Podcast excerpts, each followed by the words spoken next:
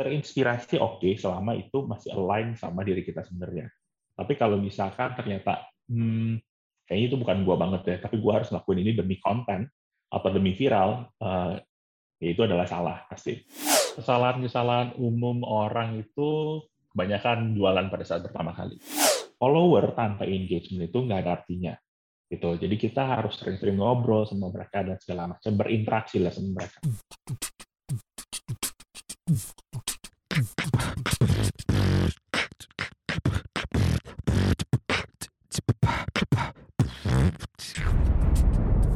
Cuap-cuap cuan. Halo Sobat Cuan semuanya, ketemu lagi dengan saya Alin Wiratwaja di podcast Cuap Cuap Cuan. Kali ini kita bakalan ngobrol nih dengan Philip Mulyana, seorang financial coach, tentang bagaimana sih kita bisa membangun personal branding untuk keperluan bisnis kita ya untuk mengembangkan bisnis atau memulai bisnis. Langsung saja kita akan tanya dengan ahlinya nih, Ko Philip Mulyana. Halo, apa kabar, Ko? Hai Alin, apa kabar? Baik-baik. Kabar baik. Jadi, uh, Ko Philip Mulyana ini sering banget sharing uh, salah satunya selain soal asuransi, soal financial planning, tapi juga soal bagaimana kita bisa membantu followersnya untuk juga bangun personal branding kayak gitu. Nah, gimana sih kalau perjalanan uh, Ko Philip sendiri mulai dulu dari awalnya sampai sekarang bisa menjadi uh, seseorang boleh dikatakanlah influencer di dunia financial planning. Oke, okay. um, aku mulai di tahun berapa ya? Kayaknya 2019 awal deh. Um, waktu itu nggak sempet, nggak nggak mikir akan jadi gimana sih sebenarnya. Mikirnya waktu itu adalah eh gue pengen pengen sharing soal konten soal financial dong karena kebetulan kan kerja di saham kan dari 2008 sampai 2020 baru keluar kan. Um, pengennya sih gitu cuma sharing aja soal saham, investasi dan segala macam. Terus dari itu di 2019 uh, pengenlah bikin um, kayak blog lah dulu itu. Tapi nggak bisa nulis, nggak bisa desain juga makanya waktu itu pengen bikinnya blog dan itu nggak pede untuk ngomong di depan umum kayak gini nih gitu. Cuma akhirnya um, ya udah deh coba aja. Waktu itu karena uh, Instagram lagi naik, akhirnya coba dah di Instagram. Um, dan dari situ baru mulai sih sebenarnya nggak bisa desain, nggak bisa um, bisa nulis juga. Maksudnya nulis tuh even konten aja, konten itu apa juga aku nggak tahu sih sebenarnya sih. Cuma ya udah sharing aja. Um, tapi dari mulai dari situ ternyata pelan-pelan semuanya dipelajarin. Akhirnya um, mungkin teman-teman audience dan follower juga kayaknya ngerasa banyak banyak value yang bisa dapat dari konten-konten aku akhirnya ya udah akhirnya flow gitu aja sih gitu. Berarti mungkin hal ini juga banyak juga mungkin ya teman-teman yang sebenarnya pengen coba sharing-sharing konten, pengen sharing-sharing ilmu, tapi mereka juga ngerasa e, aku nggak bisa desain, aku nggak bisa nulis. Berarti gimana sih caranya mereka biar bisa uh, memulai nih, Ko Philip? Oke, okay. um, satu ada dua cara sih sebenarnya. Satu dilakuin sendiri, yang kedua adalah outsourcing. Jadi kalau misalkan um, teman-teman masih, eh, gue pengen coba dulu sih sebenarnya belum tahu apakah akan make money apa enggak, karena kan ujung-ujungnya kalau misalkan kita make money baru bisa di outsource kan. Nah, tapi kalau misalkan memang baru mulai itu sebenarnya ada beberapa apps yang gratis. Jadi kita juga um, bisa belajar dari situ dan bisa belajar juga dari YouTube.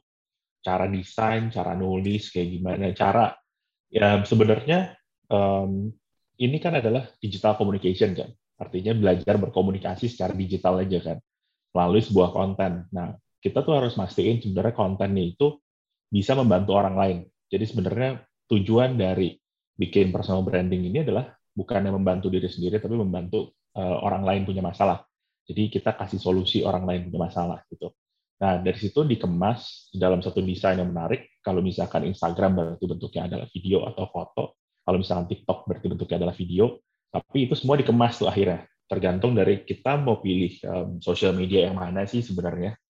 Gitu. Atau kalau misalkan ternyata teman-teman di sini udah punya resource dalam bentuk maksudnya adalah um, ada ada ada modal lah buat buat outsourcing ya kita bisa outsource sih kalau misalkan bisa bikin untuk um, konten di Instagram berarti bisa bikin uh, bisa outsource ke copywriter atau ke graphic designer yang bentuknya freelance atau bentuk tim sendiri sih itu. Oke, tadi kata kuncinya membantu orang lain. Nah untuk kita sendiri biasanya kan kalau kita mau personal branding nggak bisa dong kita sharing untuk semua topik gitu random gitu ya untuk menemukan kira-kira mana sih yang align antara interest kita dengan kebutuhan orang lain tuh kayak gimana sih?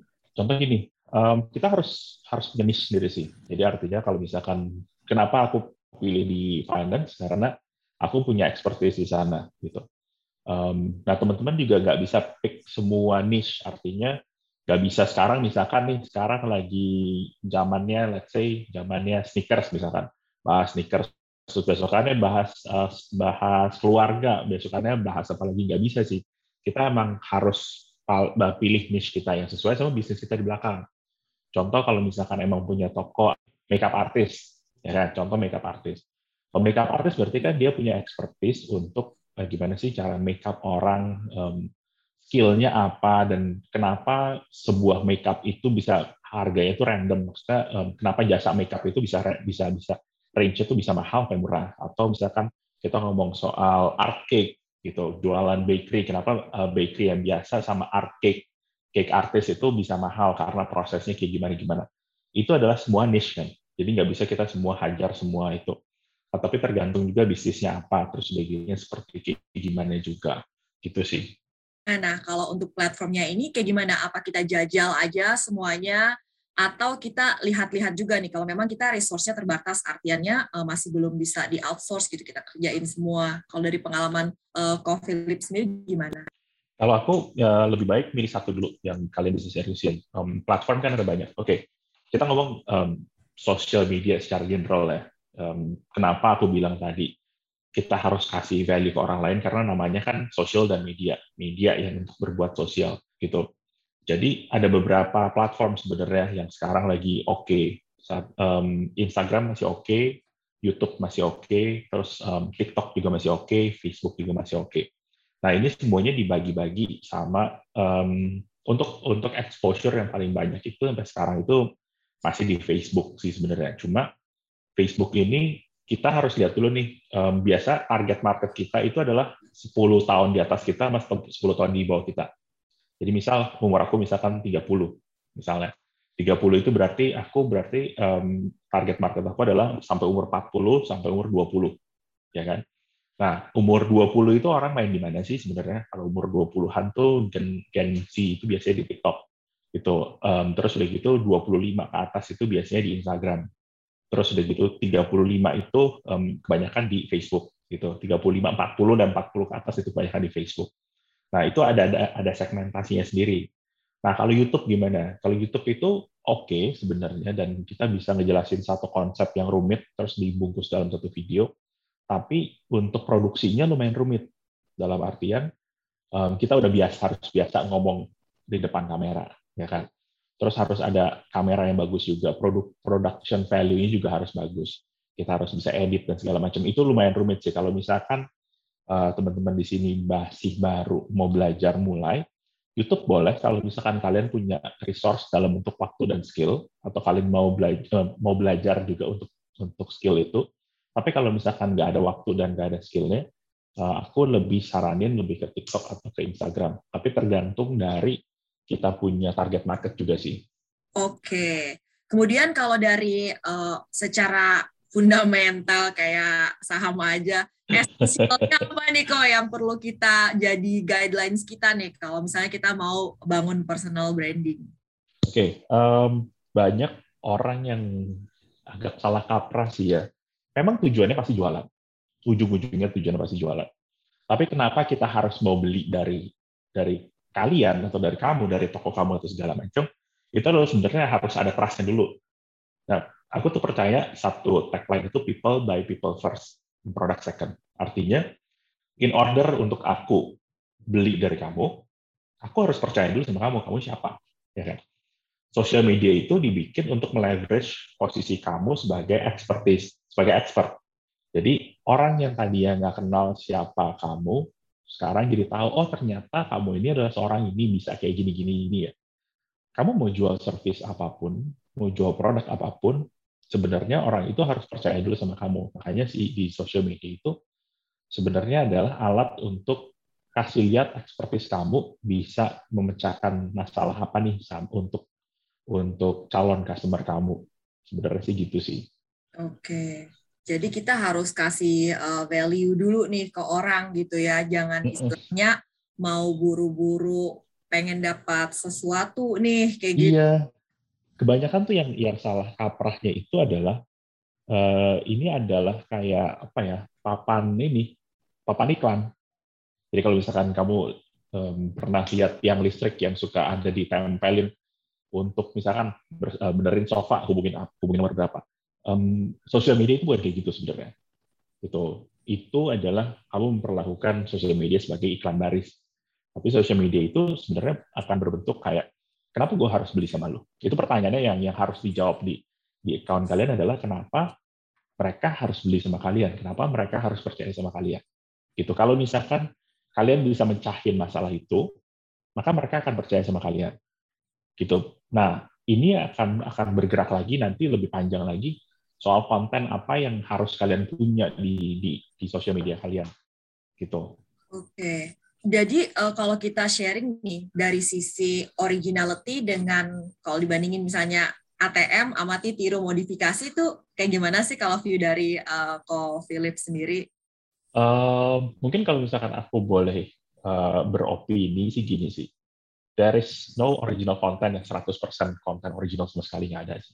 Tapi yang ada itu adalah konten yang uh, misalkan kita ketemu satu konten menarik, dan kita bisa kawinin sama konten yang lain. Contoh kalau misalkan kita ngomong soal duit, duit itu kan erat hubungannya sama psikologis kan ya, gitu. Artinya kita nggak bisa ber, uh, kita nggak bisa ngomongin soal ya udah lu uh, bayar aja pakai dana darurat dan segala macam.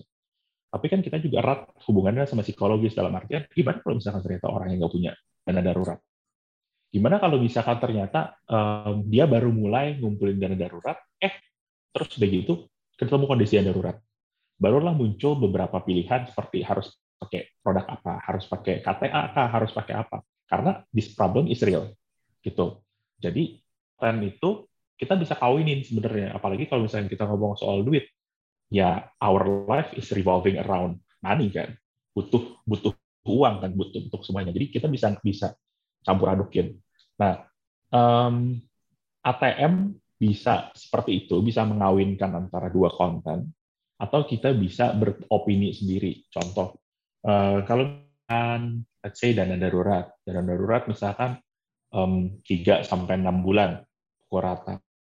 Tapi kalau misalkan kita hitung-hitung, mungkin sesuai hubung eh, sesuai dari siklus hidup manusia juga, mungkin gitu.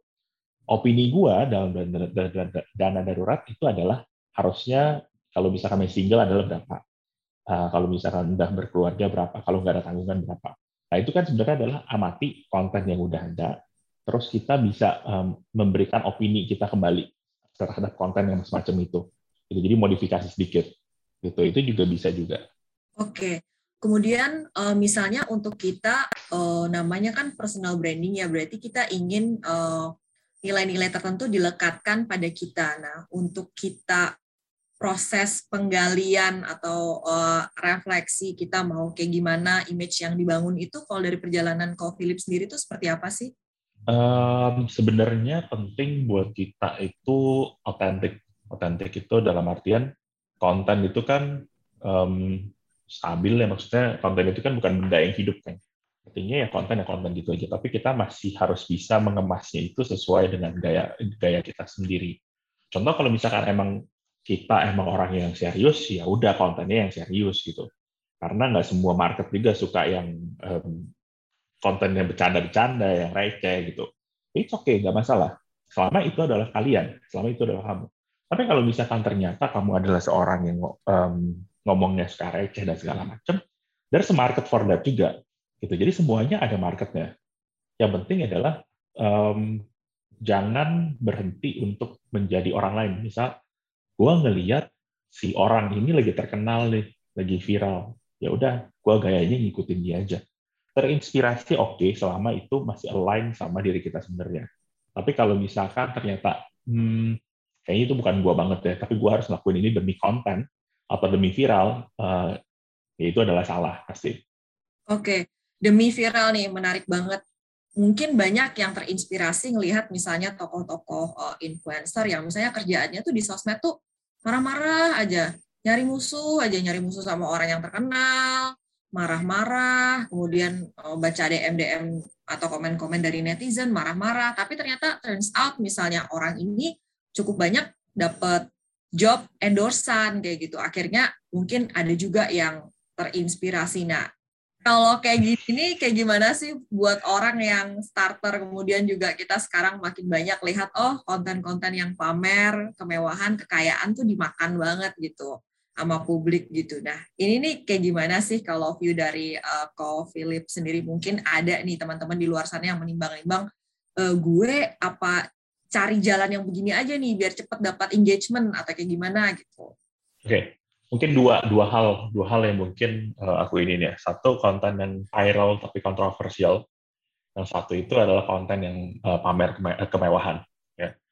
Uh, satu uh, konten yang viral dan konten yang kontroversial itu sebenarnya um, aku itu hidup di dalam dunia yang currency kita adalah attention. Means untuk supaya stay relevant untuk supaya orang tetap masih ingat oh si Philip ini masih ada, kita harus relevan sama perubahan um, entah entah lagi trennya lagi apa, lagi apa segala macam kita harus tetap relevan sama itu. Artinya konten kita harus ya udah ikutin apa yang ada aja gitu. Nah, kalau misalkan konten karena kita hidup dalam dunia atensi yang kenceng banget, begitu kita menyerang seseorang, misalkan eh, aku nyerang satu tokoh keuangan yang nomor satu di Indonesia terus nunjuk-nunjuk kalau misalkan ini nggak benar dan segala macam kayak gini-gini, aku akan dapat atensi. Oke, okay? I will get attention dari orang-orang ini siapa ya yang berani ngelawan si orang nomor satu itu ya. Orang yang nggak kenal sama aku akan melihat ini siapa. And then opini akan split. Ada yang pro ke pihak sana, ada yang kontrak ya ke aku berarti. Sebagian kan berarti kan dapat aku. Tapi in the long run kayak begini tuh nggak sustainable Artinya aku mungkin dapat follower, ya kan? Tapi follower aku bisa belajar apa dari dari dari dari ngefollow aku kalau misalkan aku menyerang orang itu. Entah ini adalah opini yang benar atau yang nggak benar ya, tapi ini adalah sebuah opini gitu. Terus dari gitu dia akan dapat apa? Yang paling aku bisa dapetin adalah follower. Oke. Okay? Nah, pada saat follower itu kan cuma tahap pertama doang. Contoh Alim misalkan follow aku. Baru kenal, follow, and then kamu ngelihat di beberapa hari, beberapa minggu ke depan, relate nggak sih sama gue sebenarnya ini orang, ya kan? Kalau misalkan cuma sekedar mau kenal ya lu follow udah beres. Tapi akhirnya relate nggak sih? Kalau misalkan nggak relate, satu mereka nggak akan engage, yang kedua mereka mungkin akan unfollow kali. Nah, kalau misalkan nggak engage, kalau misalkan kalian mau jualan apa pun itu, itu orang nggak akan beli dari kalian meskipun follower kalian banyak. Makanya di dalam dunia kita ada namanya engagement rate. Itu adalah artinya berapa orang sih dari orang yang follow kita yang suka engage sama kita, suka DM, komen, nge-like atau segala macam. Follower tanpa engagement itu nggak ada artinya. Gitu. Jadi kita harus sering-sering ngobrol sama mereka dan segala macam, berinteraksi lah sama mereka. Nah, kalau misalkan balik lagi ke yang viral dan kontroversial, begitu, oh kayaknya orangnya kok begini banget ya ternyata. Yang ada lah unfollow kalau enggak ya udah lah gue nggak usah nggak usah komen gue nggak usah apa segala macam. Ya kan artinya kalau misalkan kalian jualan apa pun nggak akan sebenarnya nggak akan berfungsi kalau misalnya engagement rate itu jelek. Dan yang nomor dua nomor dua itu adalah pamer kemewahan. Aku percaya kalau misalkan um, manusia itu um, hidup termotivasi dua arah. Yang satu itu away from pain menjauhi dari uh, dari yang sakit. Eh, contoh kita nggak mau miskin, kita nggak mau sakit, kita nggak mau sesuatu yang nggak enak gitu. Motivasi yang kedua adalah kita pengen mengejar sesuatu, kita pengen kaya, kita pengen bebas, kita pengen punya segala macam, ya kan?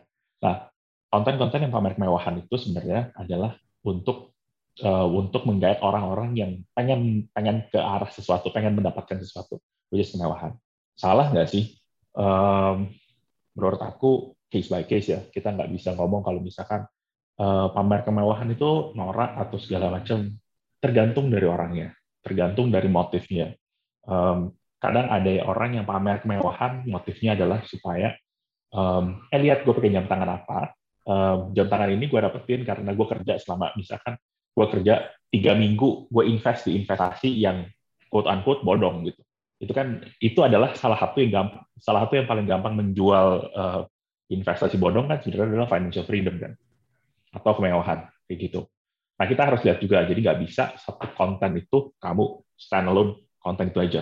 Uh, ada juga yang konten yang memperlihatkan kemewahan yang sebenarnya ya udah gitu. Emang dia punya dan punya yang legal karena dia punya bisnis dan segala macam. Ya menurut aku ya so nggak nggak nggak berdampak apa-apa juga sebenarnya. Orang akan terinspirasi, oh gue pengen punya bisnis kayak lu dong, kayak gitu. Ya itu bagus sebenarnya. Tapi kalau misalkan ternyata yang dia jual di belakangnya adalah sebuah produk bodong, that's a problem. Oke, okay. uh, Kak Philip, berarti uh, tadi sudah beberapa kita singgung sedikit, kita mau bahas nih kesalahan-kesalahan umum orang saat personal branding. Oke, okay. uh, kesalahan-kesalahan umum orang itu kebanyakan jualan pada saat pertama kali. Um, kalau misalkan kamu punya dua temen ya, misalnya, satu adalah temen yang setiap kali kamu ketemu personal, dia akan ngomong sama kamu gini, eh Lin, gue punya bisnis nih buat lu nih. Atau enggak, Lin, gue punya produk buat lu, kebetulan lagi diskon. Itu adalah orang pertama. Orang yang kedua adalah orang yang, eh Lin, lu uh, mau ke Bali ya? Uh, sebelum ke Bali, jangan lupa um, print itu dulu e-hack dan segala macam supaya lu nggak repot di bandara. Atau yang kedua mungkin orang yang, Lin, kemarin lu sakit ini, uh, udah sembuh apa belum? Gue kemarin sakit yang sama juga. Gue makan ini, ini, ini. Coba aja lu makan kalau misalkan kamu dikasih pilihan orang satu atau orang kedua, lebih enak orang yang mana sih sebenarnya mau jadi teman kamu? Yang satu adalah orang yang selalu mm.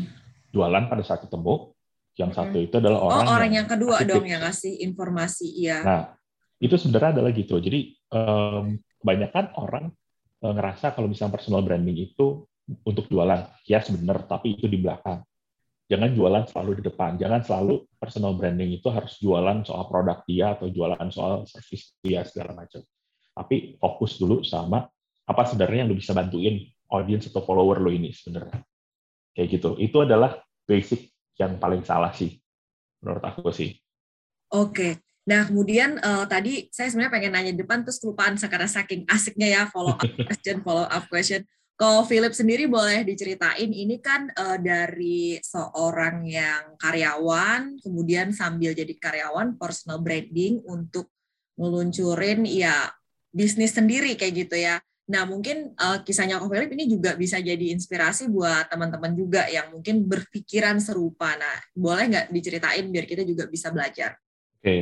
jadi waktu pertama kali aku untuk personal branding itu memang tujuannya itu adalah um, gue pengen ngegedein target um, client client base, which is tetap uh, tujuannya adalah jualan. Tapi pada saat di tengah-tengah itu ya udah kita uh, aku lebih banyak sharing soal investment, sharing soal money management, pokoknya apa pun lah yang berhubungan soal duit dan lain-lainnya. Nah, terus udah gitu uh, di sana muncul beberapa tawaran akhirnya yang lebih ke collab sama brand, kerjasama sama brand dan segala macam itu menjadikan side hustle tambahan sebenarnya pada saat itu. Nah, aku juga pada saat itu aku mulai ngerasa kalau misalkan worth it nggak sih kalau misalkan gue ngejar ke satu hal di satu sisi aku punya keluarga yang harus kasih makan, apakah aku harus membelah ini dua-duanya dalam artian punya kerjaan utama dan punya personal branding yang bisa menghasilkan juga gitu. Nah ternyata setelah ditimbang-timbang dari waktu dan segala macam lebih worth it kan kalau misalkan lebih fokus di personal branding. Nah, di situ mulai ngejar. Tapi sebelum ngejar itu, ada beberapa poin yang aku harus checklist juga. Contoh, um, kalau misalkan aku ngejar yang satu ini, apakah pendapatan bisa nutupin pengeluaran yang sebelumnya? Gitu. Terus udah gitu, dana darurat udah ada belum sampai satu tahun. Terus udah gitu, asuransi apakah udah disiapin atau belum? Karena kan sebelumnya kan uh, tunjangan kesehatan kantor, terus begitu kita keluar kan kita udah nggak dapat lagi, Kak. Itu udah disiapin apa belum? Nah, begitu itu udah oke okay semuanya, checklistnya udah dicek semuanya, baru aku bisa uh, ngembangin personal branding itu as a business, gitu, full time. Oke. Okay. Uh, Ko Philip, kita juga pengen kasih uh, ide cuan gitu ya buat uh, sobat cuan nih banyak kan yang lagi di pandemi ini uh, side hustle entah baking dari rumah, entah bisnis just tip segala macam. Mungkin boleh dikasih tips mereka gimana sih biar uh, tadi itu engagement first, baru habis itu orang ngerasa udah ada kedekatan, akhirnya bisa jadi loyal customer gitu. Mungkin ini contohnya secara real nih kok. Oke, okay. uh, eh, tergantung dari sektor kamu sih sebenarnya sih hmm. dari apa yang kamu kerjain. Contoh tadi, um, let's say F&B ya, ya, betul. F&B. Gini, Um, aku ada ada saudara yang jualan kue juga, art cakes dan segala macam. Aku selalu ngomong kayak gini, um, cake itu kan benda mati ya, cake itu semua juga ada. Banyak ratusan ribuan brand jual cake yang sama. Lu bisa nggak sih lu um, lebih ke, lu kasih lihat prosesnya ini dari bahan-bahan semuanya sampai jadi satu cake gitu. Uh, dan kenapa cake ini bisa dijadiin yang barang yang mahal, maksudnya premium karena dia uh, mainnya di level yang premium. Karena kalau misalkan tanpa justifikasi kayak gitu, orang akan ngerti kenapa satu cake itu bisa jadi mahal. Dan lu akan tenggelam di antara semua brand yang lain. gitu. Jadi kita harus memang uh, personal branding ini apa penting dan mungkin kalau misalkan kita ngomong soal um, brand ya berarti branding doang nggak nggak personal um, karena ini akan mem, apa, memisahkan kamu dari kompetitor yang lain. Kenapa sih aku harus beli dari kamu? Oh ternyata karena proses pembuatannya itu ada beda loh di sininya loh. Bikin kayak gini tuh nggak mudah ya. Ternyata ada effortnya kayak gimana. The story of bikin dari nol sampai jadi cake itu, itu menurut aku adalah untuk kasih lihat nih, oh ternyata uh, lu bikinnya sampai se, sampai seteliti itu ya gitu. Menurut aku sih uh, itu adalah salah satu yang bisa kita kita ini sih. Oke, itu salah satu tipsnya hmm. ya. Challenge jawab cepat. Oke, kita memasuki segmen games jawab cepat bersama dengan narasumber kita Philip Mulyana, seorang financial coach. Jawab cepat ya kok ini terkait pertanyaan-pertanyaan soal personal branding. Oke. Okay. Tampang yang menarik atau kepribadian yang menarik? Kepribadian yang menarik. Oke. Branding aja atau tentukan target market? Uh, tentukan target market. YouTube atau Instagram? Uh, Instagram. Sensasi atau prestasi? Prestasi. Organik atau beli followers? Organik dong. Oke. Challenge Jawab cepat.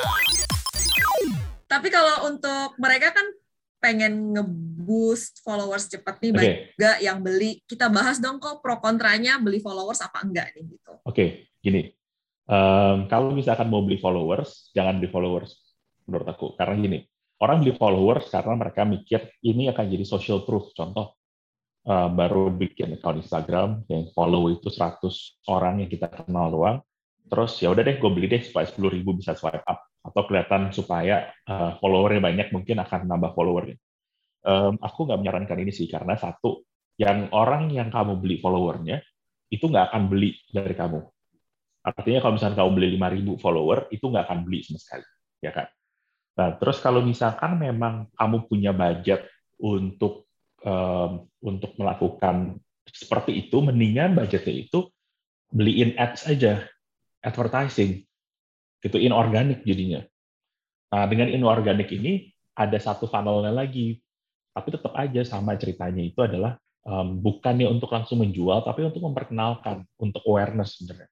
Siapa sih kamu, siapa sih brand kamu, kenapa brand kamu itu harus ada dan kenapa aku harus beli dari brand kamu itu harus di harus dijawab dalam satu konten itu.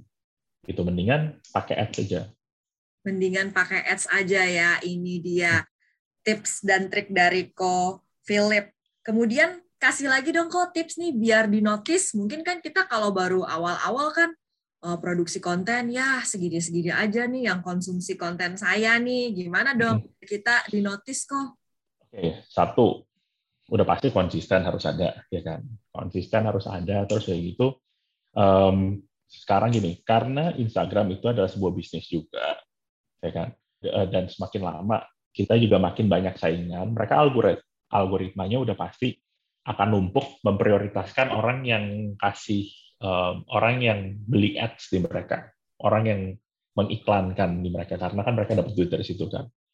Nah, menurut aku mendingan di niche dulu. Contoh uh, target marketnya itu adalah um, wanita umur 30 sampai 35 yang pekerjaannya adalah misalkan wanita karir Nah, berarti kamu bikin satu konten yang dikhususkan untuk wanita karir. Tergantung nih kamu um, produknya apa atau servisnya apa. Mau pasang bulu mata kah, mau make up kah, mau apa segala macam kah. Tapi kontennya itu um, dikhususkan untuk menjawab pertanyaan si wanita karir ini. Contoh wanita karir apa sih? Lihat pertanyaannya. Misalkan gini deh, uh, problem kita ngomongin general keuangan ya. Hmm. Uh, wanita karir contohnya Gimana caranya membagi waktu antara keluarga, which sama anak, sama suami, sama mengejar karir. Ya Iya. kan? Yang kedua, gimana sih wanita karir itu bisa memperbesar kapasitas dia dalam artian bisa kejar, bisa, bisa fokus kejar karir. Skill apa sih yang harus dipakai nih? Atau yang ketiga, gimana caranya personal branding bisa membantu wanita karir ini dalam mengejar karirnya ke next step atau pindah ke tempat yang lain gitu. Itu kan menjawab pertanyaan yang sebenarnya aku, yang menurut aku ini adalah on top of my head ya. Menurut Hmm. aku ini akan adalah membantu si wanita karir itu mencapai level selanjutnya. Iya. Nah, tergantung dari masing-masing sektor kalian, eh, bukan cuma untuk wanita karir dan segala macam, tapi satu itu kalian harus tahu target marketnya dulu. Target market terus problemnya apa sih yang di, dialamin problem target market kalian yang bisa kalian solving. Terus yang ketiga, kalau misalkan kalian punya budget yang lebih, pasang ads untuk si wanita karir tersebut. Gitu karena kalau misalkan kalian bisa pasang ads untuk um, wanita karir tersebut terus udah gitu kita lagi scroll scroll iseng ngeliat eh menarik juga nih paling nggak kita dapat likes atau dapat follower gitu dulu Oke, itu dia kira-kira uh, thinking prosesnya ya sebelum kita misalnya melakukan personal branding. Kalau Philip terakhir nih pesan-pesan untuk uh, para pejuang-pejuang kehidupan, Cia. Maksudnya kan ini bukan masa yang mudah ya pandemi. ya, ya. Nah, gimana sih kita bisa apa ya upscaling lah, leveling up lah dengan kita personal branding supaya ujung-ujungnya bisnis kita, side job kita itu bisa amplify lah kok ada peningkatan gitu dengan personal branding ini. Oke, okay. um, ini mungkin note buat aku juga sih. Kadang-kadang aku juga masih suka ngelakuin yang sama. Jangan overthinking. Dalam artian kalau misalkan kalian ngelihat personal branding ini kayak nih gimana cara mulainya. Um, itu semua trial and error juga A/B testing di mana-mana. Jadi kalau misalkan A yang salah, ya berarti tinggal produk yang B misalkan atau konten yang B. Jadi semuanya itu nggak ada jalan pasti lu akan nyampe karena begini caranya. Cuma mulai aja dulu, and then begitu udah mulai ya ATM di tengah-tengahnya. Amati, tiru, modifikasi. Itu kalau misalkan emang berhasil, lanjutin. Kalau misalkan gagal, berarti oh cari jalan yang lain gitu. Oke. Harus pinter-pinter Dulu adaptasi. ya, tapi bukan iklan ya. Bukan. Oke, makasih kau Philip Mulyana udah sharing pengalamannya. Oke. Ini salah satu contoh sukses banget, contoh nyata banget bagaimana seorang karyawan ini sukses melakukan personal branding sampai akhirnya punya bisnis sendiri dengan juga membantu sekaligus uh, mereka yang follow untuk bisa menyelesaikan solusinya kok dengan konten-konten yang uh, berfaedah. Makanya kok Philip ini juga banyak produksi konten misalnya uh, unboxing polis gitu yang mana itu mungkin nggak ada orang lain bikin ya kok. Iya. Oke, makasih kok Philip. Sehat dan sukses selalu. Oke, thank you. Thank you. Ya Sobat Cuan, itu tadi perbincangan kita dengan Philip Mulyana, seorang financial coach tentang bagaimana sih membangun personal branding untuk keperluan bisnis ataupun juga side hustle kita. Semoga bisa bermanfaat ya buat Sobat Cuan semuanya. Sampai jumpa di episode Cuap-Cuap Cuan selanjutnya. Bye!